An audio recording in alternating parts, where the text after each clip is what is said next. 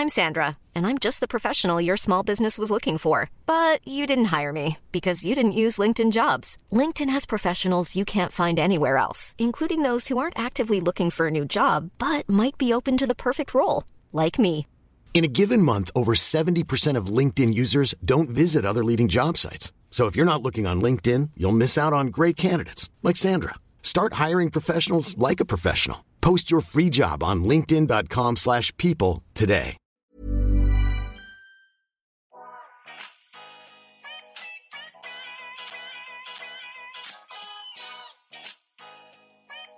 Välkommen till En timme med där jag, Sanja Tegeltia, träffar människor som inspirerar mig, som delar med sig om sina karriärresor, sina motgångar, om självutveckling och hur de har kommit dit de är idag. I veckans avsnitt så pratar jag med entreprenören Babba. Babba är känd för otroligt mycket. Hon har gjort otrolig karriär har är bland annat känd för sin resa med Uber. Hon drev även sin egen byrå i New York som hette By Babba som även öppnade kontor i Stockholm. Hon har varit med på listor såsom Forbes 30 under 30, otroligt många reportage i tidningar om henne själv och hennes resa. Hennes senaste företag är det vi går in på och som är Ceremonia som egentligen är nästa generations hårvård. Clean beauty som ger resultat. Vi pratar om hur resan med Ceremonia har sett ut, hur det var att starta ett bolag, bolag inom hårvård under pandemin, fokusen med rena ingredienser, vad som särskiljer dem från konkurrenterna, hur det funkar att ta in riskkapital och driva bolag i USA versus Sverige. Otroligt spännande avsnitt och lärorikt avsnitt. Hej Baba! Hej Sanja! Hur mår du? Ja, men jag mår bra. Det är min favoritsäsong här borta. Och hur, eh, hur mår du eh, i livet? Hur känns allting? Känner du dig balanserad, stressad, kaotisk? Liksom, vad är du på för plats i livet? Det är verkligen eh, dagsform. Eh, den frågan svarar jag nog på olika varje dag. Ehm, jag känner mig extremt lycklig och tacksam och egentligen liksom att det känns larvigt att klaga på någonting för att vi, är, vi, vi har det så bra och eh, vi är friska, vi har fantastiska barn, jag älskar mitt jobb, jag älskar min man och har så mycket att vara, att vara glad för. Eh, men jag känner mig inte helt balanserad, det gör jag inte. Eh, jag känner att jag har eh, haft lite sådär eh, eh wake up calls nu på senare. Det, det, som händer ofta tycker jag är att eh, jag blir sjuk, eh, jag får någon slags jobbig förkylning och det tvingar mig att koppla bort från jobbet och då får jag ofta lite tid att reflektera för att jag man sitter bara med sina egna tankar.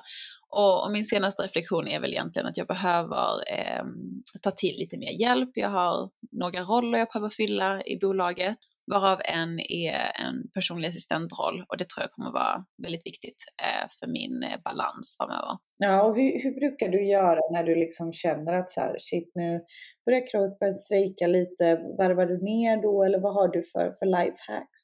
Ja, jag är ganska bra på att lyssna på kroppen tycker jag. Eh, jag har blivit bättre på det i alla fall. Jag känner att jag har mycket mer kontakt med min kropp och eh, ofta blir det att kroppen säger ifrån eh, lite milt först och sen om man inte lyssnar så blir man sjuk. Så är det i alla fall för mig. Um, och, och, då tar jag alltid några steg tillbaka, jag brukar cleara min kalender. För mig räcker det ofta bara med några dagar av att bara så här, okej, okay, liksom reassess, eh, nu är jag liksom för nära inpå alla problem. Vad, vad är det egentligen som liksom spelar roll? Och det brukar ge mig klarhet i vad jag behöver göra. Eh, det ger mig ofta eh, klarhet i, ur ett makroperspektiv. För när man är stressad och man känner sig eh, obalanserad och har en lång to-do-lista så ser man inte helheten längre. Man är så himla djupt inne i detaljerna och jag ska bara få färdigt det här, jag ska bara få iväg det mejlet, jag ska bara detta, jag ska bara det. Och det är en ganska eh, farlig hamsterhjul att vara i. Så jag försöker ofta då kliva ur hamsterhjulet och titta lite mer eh, holistiskt. Vad, vad, är det jag egentligen behöver göra. Liksom, vad är det som faktiskt spelar roll? Eh, och sen finns det massa saker jag borde göra, men det kanske inte är de viktigaste grejerna. Och sen så då försöka hitta ett system för hur de sakerna tas om hand utan att det bygger på att jag ska jobba dag och natt varje dag för att få ihop mm. det. Ja, det låter sunt. Och, och jag menar, du har ju hunnit göra otroligt mycket. Jag tänkte säga, vi sa precis det innan, här, det är så mycket så att man liksom inte ens kan gå in på allt för det blir för spretigt tänkte jag. Men du har ju hamnat på diverse listor som Forbes 30 under 30 och eh, fantastiska eh, pressartiklar i otroligt stora titlar och jobbat på, på Uber och jobbat länge i New York innan du startade Bybaba och drivit det bolaget. Om du tittar tillbaka på din resa till där du är idag eller egentligen till innan du drog igång Ceremonia. Vad, vad känner du har varit dina viktigaste lärdomar hittills som du kanske inte anade skulle vara dina lärdomar? Ja, bra fråga. Um, men jag tror att det, den viktigaste röda tråden i allt det här har varit att show up fully. Eh, det är något som jag tänker på väldigt mycket. Vad man än tar sig an gör man ordentligt. Och, och, och det är nog någonting som jag verkligen har levt efter sedan ung ålder. Jag har aldrig tagit för givet eh, att man får de här möjligheterna. Så om jag tänker tillbaka ännu längre bak i tiden när jag var 14 år gammal och fick mitt första diskjobb. Även det tog jag på stort allvar. Nu ska jag göra det här jobbet the best way I can. Och jag tror det är en inställning som är viktig att ha om man vill ta sig fram i livet. Just det här att man inte gör någonting halvdant. Det, det tror jag har varit en röd tråd för mig eh, och det är någonting som jag värdesätter högt och något som jag och min man ofta pratar om att det är något vi vill, gärna vill eh, att våra barn ska ha också. Det spelar ingen roll om det är ett skitjobb eller en praktik eller ja, men jag ska bara göra det här för att sen spara upp pengar och dra iväg på en resa. Det spelar ingen roll. Om du nu har tagit dig an att göra det här, gör det hela vägen.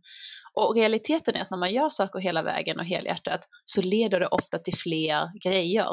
Eh, och det är det som är så häftigt för att jag kan ibland när jag tänker tillbaka på min resa, det är inte som att jag hade en helt perfekt mappning av det här är mina steg och så ska jag ta mig dit. Utan jag lät världen guida mig genom att jag gjorde var, var grej fullt ut och så ledde det till någonting. Och ibland ledde det till att man insåg att det här var inte alls det jag ville göra och det är också okej. Okay. Men det betyder inte att man borde strunta i det jobbet. Antingen säger man upp sig eller så gör man det helhjärtat. Eh, och det, det, är väl lite det som är min lärdom här i livet, att, att, att vara ordentlig. eh, mm. liksom do it all the way or don't do it. Och jag försöker leva efter det idag också. Och jag lär mig mer och mer om vad som ger mig energi versus vad som tar energi. Och jag tror inte på att man bara ska bita i det sura äpplet och göra de tråkiga grejerna, utan jag tror verkligen att man kan designa sitt liv så att man gör de sakerna som fyller en med energi. Men oavsett om, om det fyller dig med energi eller inte så eh, måste man göra det hela vägen för att det ska bli något. Det är väldigt få personer som jag har träffat som bara råkade hamna i success utan att lägga in manteln. Mm. Lägga in rätt växel är väl kanske rätt. Eh, och, och det betyder inte att man måste jobba 24-7 eller man måste vara miserabel. Det, det, är inte alls det jag, jag förespråkar utan det är just mer det här att man gör det med intentionen av att göra det bra. Och du är då för liksom att foka på det man är bra på och kanske outsourca det man inte är bra på eller ta hjälp där. Jag jobbar med en coach numera och han sa en ganska bra grej om att when you perform, you perform on your strengths. And when you train, you train on your weaknesses. Och det tycker jag är kärnan i exakt det jag har försökt artikulera i många år och det är att jag tror att när man presterar så får man mycket mer ut av att fokusera på sina styrkor. Men för att bli bättre så måste man också jobba på sina svagheter. Ja, det låter verkligen sunt. Är det, är det någonting du tänker på också när du anställer till ditt team och liksom som när du försöker vara en ledare på, på hur teamet ska agera också? Ja, som ledare så är jag väldigt fokuserad på folks styrkor. Realiteten är att som arbetsgivare så får du inte så mycket ut av att försöka ändra på någons dåliga vanor. Det är lite det här att det är svårt att lära en gammal hund att sitta. Eh, om det är någon som alltid är sen, visst jag kan liksom hålla på allt jag vill med att vi ska vara här prick nio och ja, men realiteten är att det kommer att ta väldigt mycket energi för den personen att kanske komma en liten bit på den vägen. Då lägger jag hellre den energin på att den personen dubbla sina styrkor. Och sen är det ju som så här, i vissa jobb, i vissa roller så måste man ha vissa kvaliteter och om personen inte har de kvaliteterna, då kanske den inte kan ha den den rollen. Om man jobbar i butik och ska öppna en butik, då kan man inte vara sen. Liksom, så, nej, och då kanske man inte ska vara butikschef heller. Så att, det, det beror ju på vad, vad det är för roller. Men generellt sett så är min ledarskapsstil att foka på folks styrkor och försöka få deras roll att handla mer om deras styrkor och mindre om deras svagheter. Ja, jag är med. Och, och om man tittar på de här åren som har varit, är det någon gång du har känt att så här, shit vad det här var utmanande eller oj vad, vad det här inte blev som jag hade tänkt ringt mig eller är du bara kände att så fasiken, vilket håll ska jag åt nu? Ja, men så känner man hela tiden tycker jag som entreprenör. det, jag har insett att det enda som är garanterat, det är att saker inte blir som man har tänkt. Jag började jobba på Ceremonia innan pandemin och tänkte att vi skulle lansera med stort event och plåtning och du vet hela, hela marketinghandboken som jag kände till innan vi visste ens vad en pandemi var. Um, och så blev det inte. Vi lanserade i oktober 2020 då det var peak pandemic. Så vi fick eh, ändra om våra planer. Och en annan tanke där är också när jag har varit ute och rest pengar för mitt bolag jag började resa eh, från ängelinvesterare i vad vi kallar för en pre-seed innan pandemin och hade jättemycket traction och sen kom pandemin och då ville alla ängelinvesterare hålla i sina pengar och sitta lite lugnt i båten och plötsligt så gick det från att jag nästan hade runden stängd till att jag var tvungen att börja om och i ett helt nytt klimat. Då var det bara att gå tillbaka till the drawing board och styra om termsen och göra om dealen eh, och sen ladda batterierna och ge sig ut igen. Så här är det hela tiden. Eh, man har någon retail deal man trodde skulle gå igenom som inte gick igenom. Man hade en anställd man trodde skulle vara perfekt på ett visst jobb och så var den inte det. Eh, that's business. men, eh, ja. men det är också roligt. Det håller en alert och det har också gett mig en helt ny eh, respekt för vad det krävs att bygga ett tillväxtbolag. Det är verkligen inget man gör vid sidan om eller ja, jag gick till en byrå och de byggde en hemsida och nu är vi live. Liksom, det är inte all, det, utan det är något som behöver man behöver lägga in jobb i det varje dag för att det ska bli bättre. Mm, ja, jag är helt med. Och, och var det stor skillnad då att lämna liksom byråvärlden som du faktiskt drev till en produktbaserad, eller ett produktbolag om man säger som kan accelerera eller växa snabbare? Ja, det var ett svårt beslut för mig personligen för att jag trivdes väldigt bra med min roll som byrågrundare. Jag brukar tänka tillbaka på, det är så svårt då, ibland att särskilja vad, det, vad som är vad, för att eh, livet jag levde då var ju väldigt annorlunda mot livet jag lever idag och jag vet inte om det är för att jag idag är mamma och jag då inte var mamma eller för att vi nu lever i en post-pandemic world och det var innan pandemin. Det är svårt att veta vad som är vad men jag trivdes väldigt bra i, i kaoset då. Vi, det var alltid resor, det var alltid events, det var alltid eh, nya kunder och pitchmöten och så vidare. Och vi hade ett kontor i New York och ett i Sverige. Och när jag började jobba på Ceremonia så var det egentligen mer av så här nyfikenhet. Jag tycker alltid det är roligt att tänka what's next eller vart är världen på väg? Och eh, i takt med att vi hade extra timmar på byrån så la jag olika anställdas tid på att jobba på det här lilla projektet som vi kallar för Project X. Och i början så trodde jag att jag skulle kanske inkubera bolag eh, inom byrån och att det kanske skulle bli, det här kanske skulle vara ett av många. Men sen så blev det väldigt tydligt för mig hur Ceremonia är exakt det jag vill göra och borde göra och eh, möjligheten med bolaget är så stor att det skulle vara en björntjänst för alla att inte göra det fullt ut. Och det går tillbaka till mitt tidigare statement om att vad man nu än tar sig an att göra så gör det helhjärtat. Och då var jag tvungen att ge mig själv det rådet som jag alltid ger andra. Och då satt jag där och tittade på en byrå som jag trivs med och funkar bra, men som har en ganska linjär framtid. Eller då det här bolaget som är högst oklart vad det, vad det kommer att bli, men det har oändlig potential. Eh, och då kände jag att min, eh, min magkänsla drev sig starkare och starkare mot Ceremonia och det var exakt det jag ville göra. Jag ville bara jobba med det. Jag insåg hur det blev nästan tråkigt att jobba med kunder plötsligt. Jag ville bara sitta med det här projektet. Eh, så då tog jag det svåra beslutet att eh, ja, börja planera en avvecklingsplan för, för Baibaba och eh, en lanseringsplan eh, för Ceremonia. Och drev då liksom två skepp samtidigt mot olika riktningar. Och det svåraste i sådana beslut är ju alla personer eh, som det påverkar. Jag hade ett fantastiskt team med Baibaba, men jag hade inte möjlighet att anställa alla 15 personerna på ett startup, pre-revenue. Så att helt klart ett av de svåraste karriärsbesluten, eh, men också kanske det viktigaste. Ja men verkligen. Och jag menar, när en dörr stängs öppnas ju flera andra säger man ju, även om det är svårt. Verkligen. Och jag inser också mer och mer hur det viktigaste man har som grundare är ens fokus och ens energi. Mm. Realiteten är att jag har bara en bucket of energy. och det spelar mm. ingen roll om den tas till att vara mamma, att vara kompis, att träna, att jobba.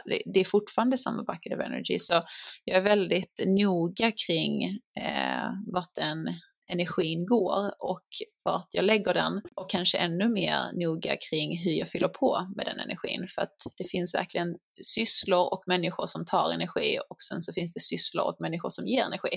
Det är något jag försöker vara väldigt noga med. Ja men verkligen och jag menar alla de eventen och härliga bitarna som kommer byrålivet kanske inte hade funkat med den här typen av bolag. Jag menar, det, det vet bara jag som är i PR-världen själv att så här, det bästa jag har gjort för mitt företag är att inte och tacka nej till saker. Alltså just för att man har svårt att förstå att man har en pott energi. Ja, exakt. Och den, mm. den dubblas ju inte för att man har två bolag tyvärr. Utan eh, och, och, sättet jag bygger bolag på också är ju väldigt eh, fokat kring community och teams och, eh, och, och det, det är svårt att göra det splittrat. Verkligen. Och vad skulle du säga eh, särskiljer eh, Ceremonia från konkurrenter? Vad gör att det blir så framgångsrikt? För nu har jag ju berättat lite i introt om företaget och sådär, men jag tänker mer, vad, vad, vad, tycker du gör att ni sticker ut? Ja, nej, men det som är intressant är att hårkategorin är flera år bakom om, om man tittar på beauty generellt så har det hänt väldigt mycket. Vi har sett hur konsumenter vill ha eh, hållbara alternativ, man vill ha eh, transparens när det kommer till ingredienser, man vill ha resultat, eh, man, ja, man bryr sig om miljön. Eh, och det har hänt mycket på det planet när det kommer till eh, hudvård och makeup. Eh, men av någon anledning så har hårkategorin legat flera år bakom resten av beautyindustrin. Och när jag satt och liksom studerade den kategorin eh, lite närmare så blev det intressant för mig hur hela hårvärlden är präglad av en stylingmani. Det är väldigt mycket fokus på hårsprays och produkter som ska tämja och maskera håret istället för produkter som ska eh, styrka och framhäva ens naturliga hår. Och det är just för att historiskt sett så har den här kategorin varit dominerad av hårstylister Um, och hårstylister är precis vad namnet säger, stylister av håret. Um, de är skolade i att skapa perfekta looks för photoshoots och events och ge en snygg blowout, men det skapar ju inte hälsa för håret. Um, och ofta så använder man produkter som egentligen inte tänker så mycket på hårets näring och hälsa, utan snarare på bara hur det ska se ut. Det, det är ungefär som sminket på håret. It's the makeup on top. Men vad är mm. hudvårdsapproachen till hår? Och det var egentligen det som blev kärnan för Ceremonia. Jag ville skapa ett, um, um, ett, ett hårbrand som hittade tillbaka till eh, näringsbiten eh, i hårvård. Som tog tillbaka vårdaspekten i hårvård. Mm. Och vi började därmed med eh, hårbottенsoljan och det var en produkt som tog marknaden med storm. Det är till att börja med så är det en fantastisk produkt. Vi har vår egen eh, kemist och vårt egna labb, så vi gör alla våra formuleringar 100% inhouse och sen så jobbar vi med större laboratorium för att göra produktion eh, at scale. Men vi gör alla formuleringar from scratch, eh, vilket är väldigt unikt. De flesta bolag jobbar med exakt samma eh, fabriker och sen så går man dit och så säger man hej, jag vill göra ett schampo och de säger vad bra, här är fem olika, vilken gillar du bäst? Eh, och sen så kan du ändra två ingredienser och göra den lite mer din. Det är ju i princip så. Så produkterna på marknaden är inte så differentierade och jag tror det har varit en jättestor del av vår framgång eh, med Ceremonia, att våra produkter är verkligen annorlunda. Folk känner det när de provar dem och vi hör om och om igen från kunder som byter ut sin hårrutin för en fully clean one som vi kallar det och det är då att eliminera silikoner, sulfater och parabens. Och när de då bryter loss från de ingredienserna och börjar använda en, en hel ceremoniagrutin så rapporterar kunder att deras hår har transformerats. Och jag känner ju det själv, mitt hår, jag känner att jag har fått tillbaka mitt eh, barndomshår efter år av att ha skadat det och jag har blekt det, jag har plattat det, jag har använt hårspray och produkter fyllda med silikoner för att försöka tämja istället för att vårda. Och det som är intressant med den här liksom, idén kring hårvård är att nu när jag vårdar mitt hår så behöver jag inte spendera lika mycket tid på styling. Jag låter mitt hår air dry och liksom sprayar på lite av vår eh, rescue spray och vår eh, conditioner för att eh, kamma bort mina baby hairs. och så är jag klar. Medan förr i tiden så spenderade jag nästan en hel timme på att platta och spraya och hålla på varje morgon. Så jag tror att Ceremonia eh, är differentierat på många sätt, både i hur vi approcherar kategorin, eh, hur våra produkter är gjorda helt annorlunda från scratch. Och sen så tror jag också att varumärket är uppfriskande. Ett varumärke mm. som främjar eh, mångfald och bjuder på kultur. Eh, vi är ju väldigt rotade i min latinamerikanska kultur och vill gärna dela den med världen och våra produkter är fyllda med men, exotiska ingredienser som guava och aloe vera och babasu. Och det är, jag tror det finns en aptit för det idag. Verkligen. Och, och är, är det så att ni riktade er främst till den latinamerikanska kulturen eller är det en produkt för alla, även mitt liksom Balkanfriss? ja, den här frågan får jag alltid och det är verkligen för alla. Det som är intressant är att till exempel L'Occitane, mm. franskt märke, det är ju ingen som undrar om det bara är för fransmän. Nej, nej men precis. Och det är intressant hur när det kommer till kulturer som har historiskt sett har varit exkluderade från beautyvärlden så tror man direkt att om det kommer ett brand som är rotat i den kulturen, då kan det bara vara för den kulturen. Mm. Och det är samma sak, det finns ju många kulturer som har varit exkluderade, till exempel liksom, eh, Balkankultur också väldigt exkluderade och, och så vidare. Och, jag tror att det behöver ske ett skifte hos konsumenter där vi börjar acceptera att det finns extremt mycket eh, ritualer och ingredienser från olika delar av världen eh, som vi alla kan lära oss av. Och det är en stor del av målet med Ceremonia, är att verkligen bjuda på den latinamerikanska kulturen och de rika ingredienserna som kommer från vår region eh, mm. och dela med oss av det till alla. Och sen är det ju såklart så liksom att alla har ju olika hårtyper så att alla våra produkter funkar inte på alla hårtyper men vi har specifikt schampo för tunnare hår, vi har schampo för eh, tjockt torrt hår och så vidare en fun fact på det är ju faktiskt att vi säljer på eh, NK i Sverige mm. och vi är deras bästsäljande hårmärke. Vi säljer mer än alla andra hårmärken ja. i hela deras sortiment. Och, och, och, det är inte för att NK har jättemånga latinos som shoppar där. Eh, så det, det, är bara för att, jag, anledningen till att jag nämner det är bara för att sätta sprätt på den här myten om att eh, mm. det bara skulle vara för eh. Ja, och det är lite därför jag frågar, för att jag kan tänka mig att många tänker i och med liksom också viss typ av marknadsföring, att man tänker så här, aha, men, de, men det är ju mer att liksom främja eller lyfta upp ja, den kulturella hedra. Liksom. Och det som händer är att de som är latinamerikaner eh, känner sig direkt identifierade med marknadsföringen och de som inte är latinamerikaner känner sig ofta inspirerade och lite mm. nyfikna. Åh, oh, jag visste inte att man, guava, vad är det? Det har jag aldrig smakat kanske, eller, och så blir man nyfiken. Så det, det, det har olika mm, intryck på olika konsumenttyper. Verkligen, och jag menar ja, jag blir jättetaggad nu på att testa för jag har också bestämt mig. Liksom, jag tror också att det är tiden att så här, man, man blir så ledsen på sig själv att man har gjort så mycket illa mot sitt hår. För vad? Alltså så här, ja, varför vill jag bara ha mitt naturliga? Och jag vet inte, ens, vet inte ens vad min naturliga är faktiskt. Det är jättemånga som säger det. Alltså gud ja. vad jag eh, relaterar till det så mycket. Det, vi får mail varje dag där folk säger jag vet inte vad mitt naturliga hår är för att jag har mm. skadat det på daglig basis i så många år att jag vet inte längre. Så att, nej men med Ceremonia så vill vi verkligen bjuda in till en slags här rebirth. Eh, att ta kontroll över sitt hårs hälsa igen och eh, återskapa lystan i ens naturliga hår. För jag menar hudvård, precis som du säger, går ju mot det hållet. Ha så naturligt som möjligt, så lite smink som möjligt, liksom så naturligt glow. Alltså, ja. det är verkligen on spot att kunna göra samma med håret. Eller jag känner i alla fall som konsument att jag bara, gud vad ofräscht. Håller på att platta och skada och färga. Jag bara, jag vill inte göra något med det. Nej, men jag har ju slutat med allt det. Jag har ju bara mitt så svarta ja. hår nu och eh, låter det liksom ha sin uh, whatever waves. jag har ju ja. så här, lite konstigt mellanhår. Det är inte rakt och det är inte lockigt, eh, vilket jag alltid kände mig jätteosäker kring som liten. Och nu känner jag bara att uh, jag embracear.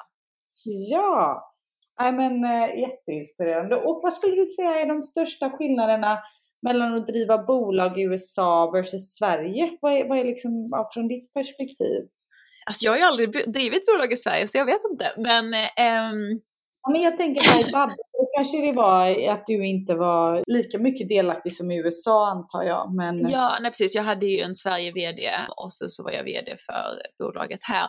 Men, nej, men jag tror att några skillnader är väl, det finns jättemycket för och nackdelar med båda tror jag. Jag kan tycka att eh, det finns något väldigt fantastiskt i eh, svensk work ethic jag tycker sven mm. svenskar är liksom väldigt ordentliga. Man drivs av att skapa.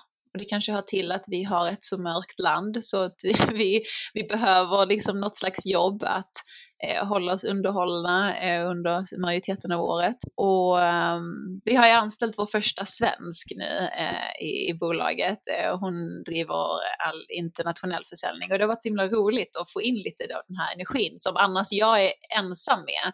Det är lite det här, ja. man, är, man är liksom inte så, man är ganska orädd som svensk och man mm. skämtar gärna och man delar gärna med sig av idéer även om det inte är ens område. Och det, det här liksom mm. platt hierarki som vi har i Sverige är otroligt värdefullt tycker jag. Sen eh, uppskattar jag kanske amerikansk kultur i hur eh, resultatorienterat det är. Jag tycker det är roligt att nå resultat. Det är väldigt roligt att driva bolag här tycker jag också för att det är möjligheterna är så stora. Mm. Så att eh, när man tittar på Eh, marknadsstorlek och om man tittar på trender. Och, eh, det är mycket som händer på den här delen av, av världen och många kanske trender som börjar här till och med. Och det finns mycket kapital om man vill driva eh, ett tillväxtbolag och framför allt så tycker jag att det också finns så himla mycket inspirerande människor att lära sig från. Mitt nätverk här är ett av mina största gåvor. Andra entreprenörer och investerare och folk, speciellt i New York kanske jag ska säga.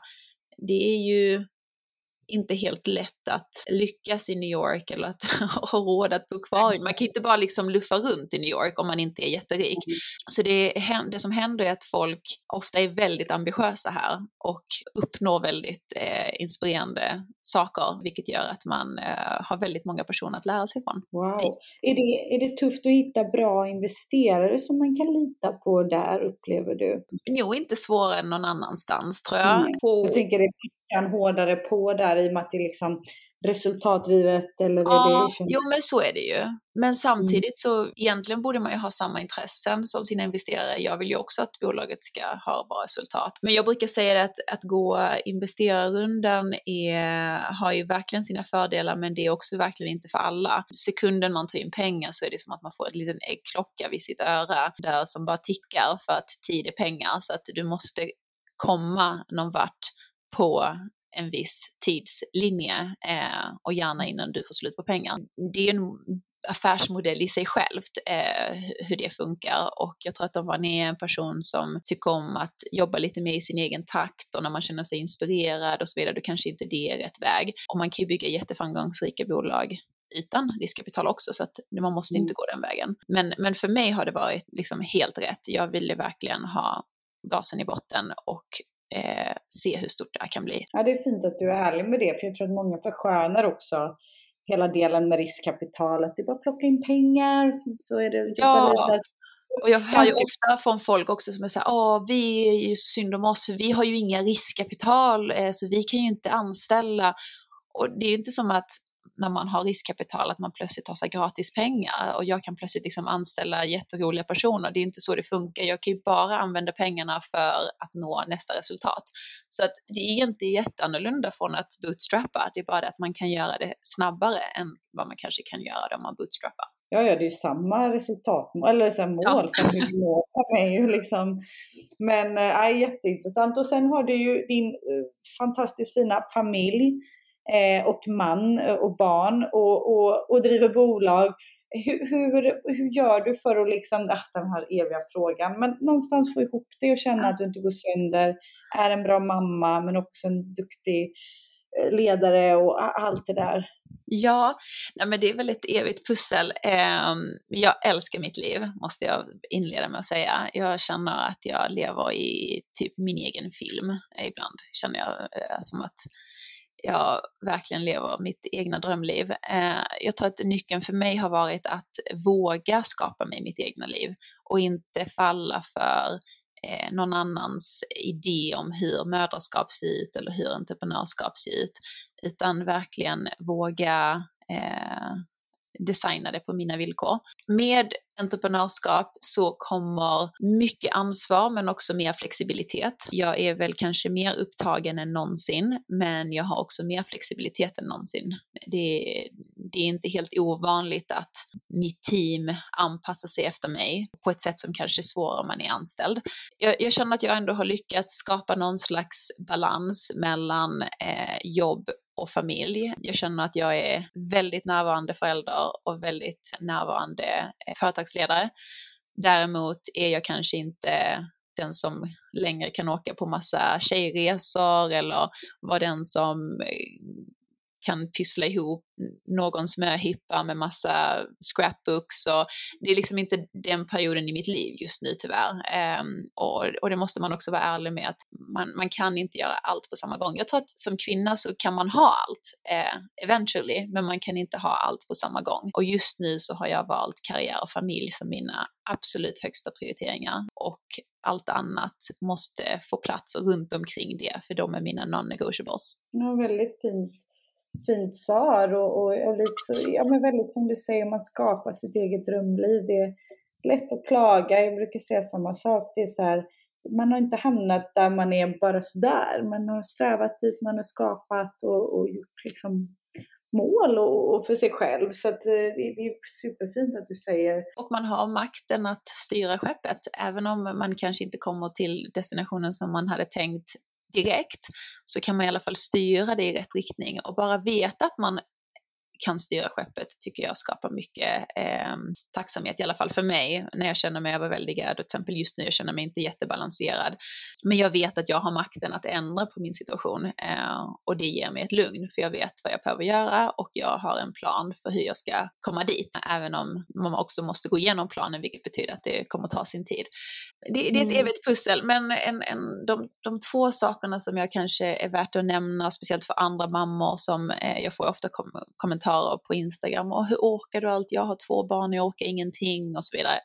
Och jag tror att det är viktigt också att vara ärlig med den typen av support man har. Eh, jag har en heltidsnanny som jobbar måndag till fredag eh, under hela arbetsdagen, vilket gör att även om jag inte sitter vid min dator liksom från 8 till 6 så har jag extra hjälp hemma och hon kan hjälpa till med att oh, vi behöver eh, mjölk, kan du åka iväg och handla mjölk så kan jag vara med barnen. Och, och det har varit en jätteviktig support för mig att ha en nanny som hjälper mig att spendera mer kvalitetstid med barnen. Och det är en, kanske någonting som man inte alltid tänker på. Många tänker ofta på nanny som att, ah, ska du inte vara med barnen då? Men ja. i, i, vårt, i vårt fall så har vår nanny blivit som en, som en liksom extra person i hushållet. Ja, precis, som hjälper till med lite allt möjligt. Men ibland är hon med barnen, alltså alla får ju göra ja, som de Ja, precis, och, och ibland är hon ju absolut med barnen. Min dotter går i skolan så att eh, jag brukar köra och hämta och lämna. Men sen har jag en bebis också. Och, ja, och hon passar henne medan jag jobbar och så vidare.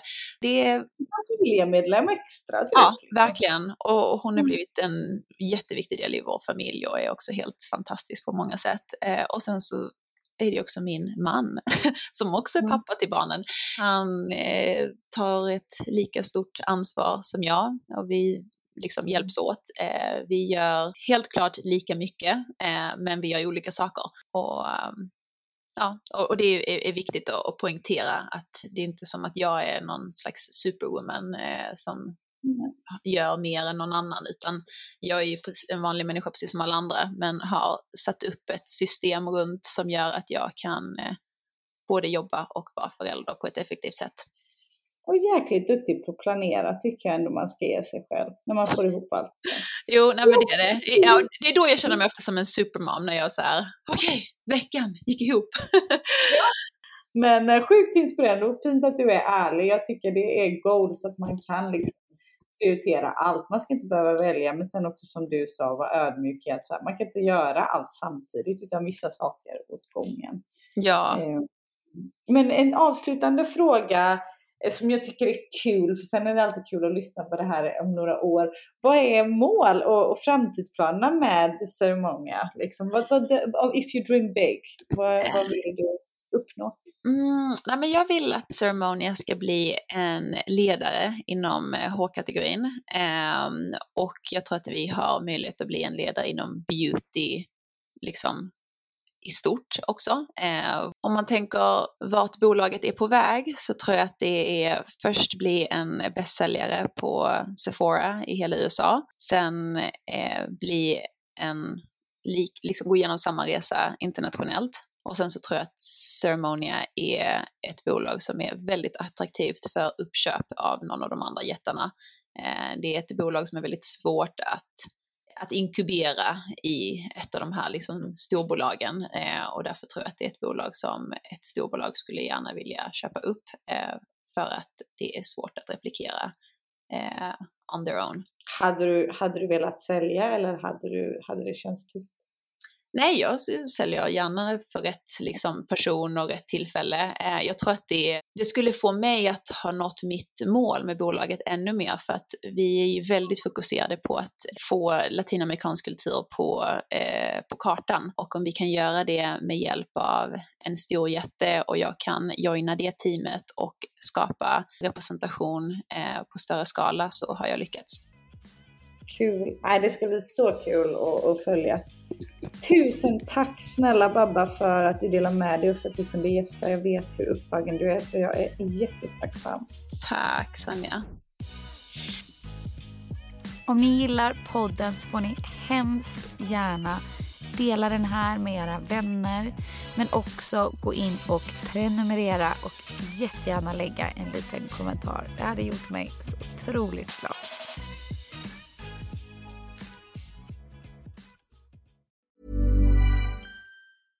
Even when we're on a budget, we still deserve nice things. Quince is a place to scoop up stunning high-end goods for 50 to 80% less than similar brands. They have buttery soft cashmere sweaters starting at $50, luxurious Italian leather bags, and so much more. Plus, Quince only works with factories that use safe, ethical, and responsible manufacturing. Get the high-end goods you'll love without the high price tag with Quince. Go to quince.com/style for free shipping and 365-day returns. Mom deserves the best, and there's no better place to shop for Mother's Day than Whole Foods Market. They're your destination for unbeatable savings, from premium gifts to show-stopping flowers and irresistible desserts. Start by saving 33% with Prime on all body care and candles. Then get a 15-stem bunch of tulips for just $9.99 each with Prime. Round out Mom's menu with festive rosé, irresistible berry chantilly cake, and more special treats. Come celebrate Mother's Day at Whole Foods Market.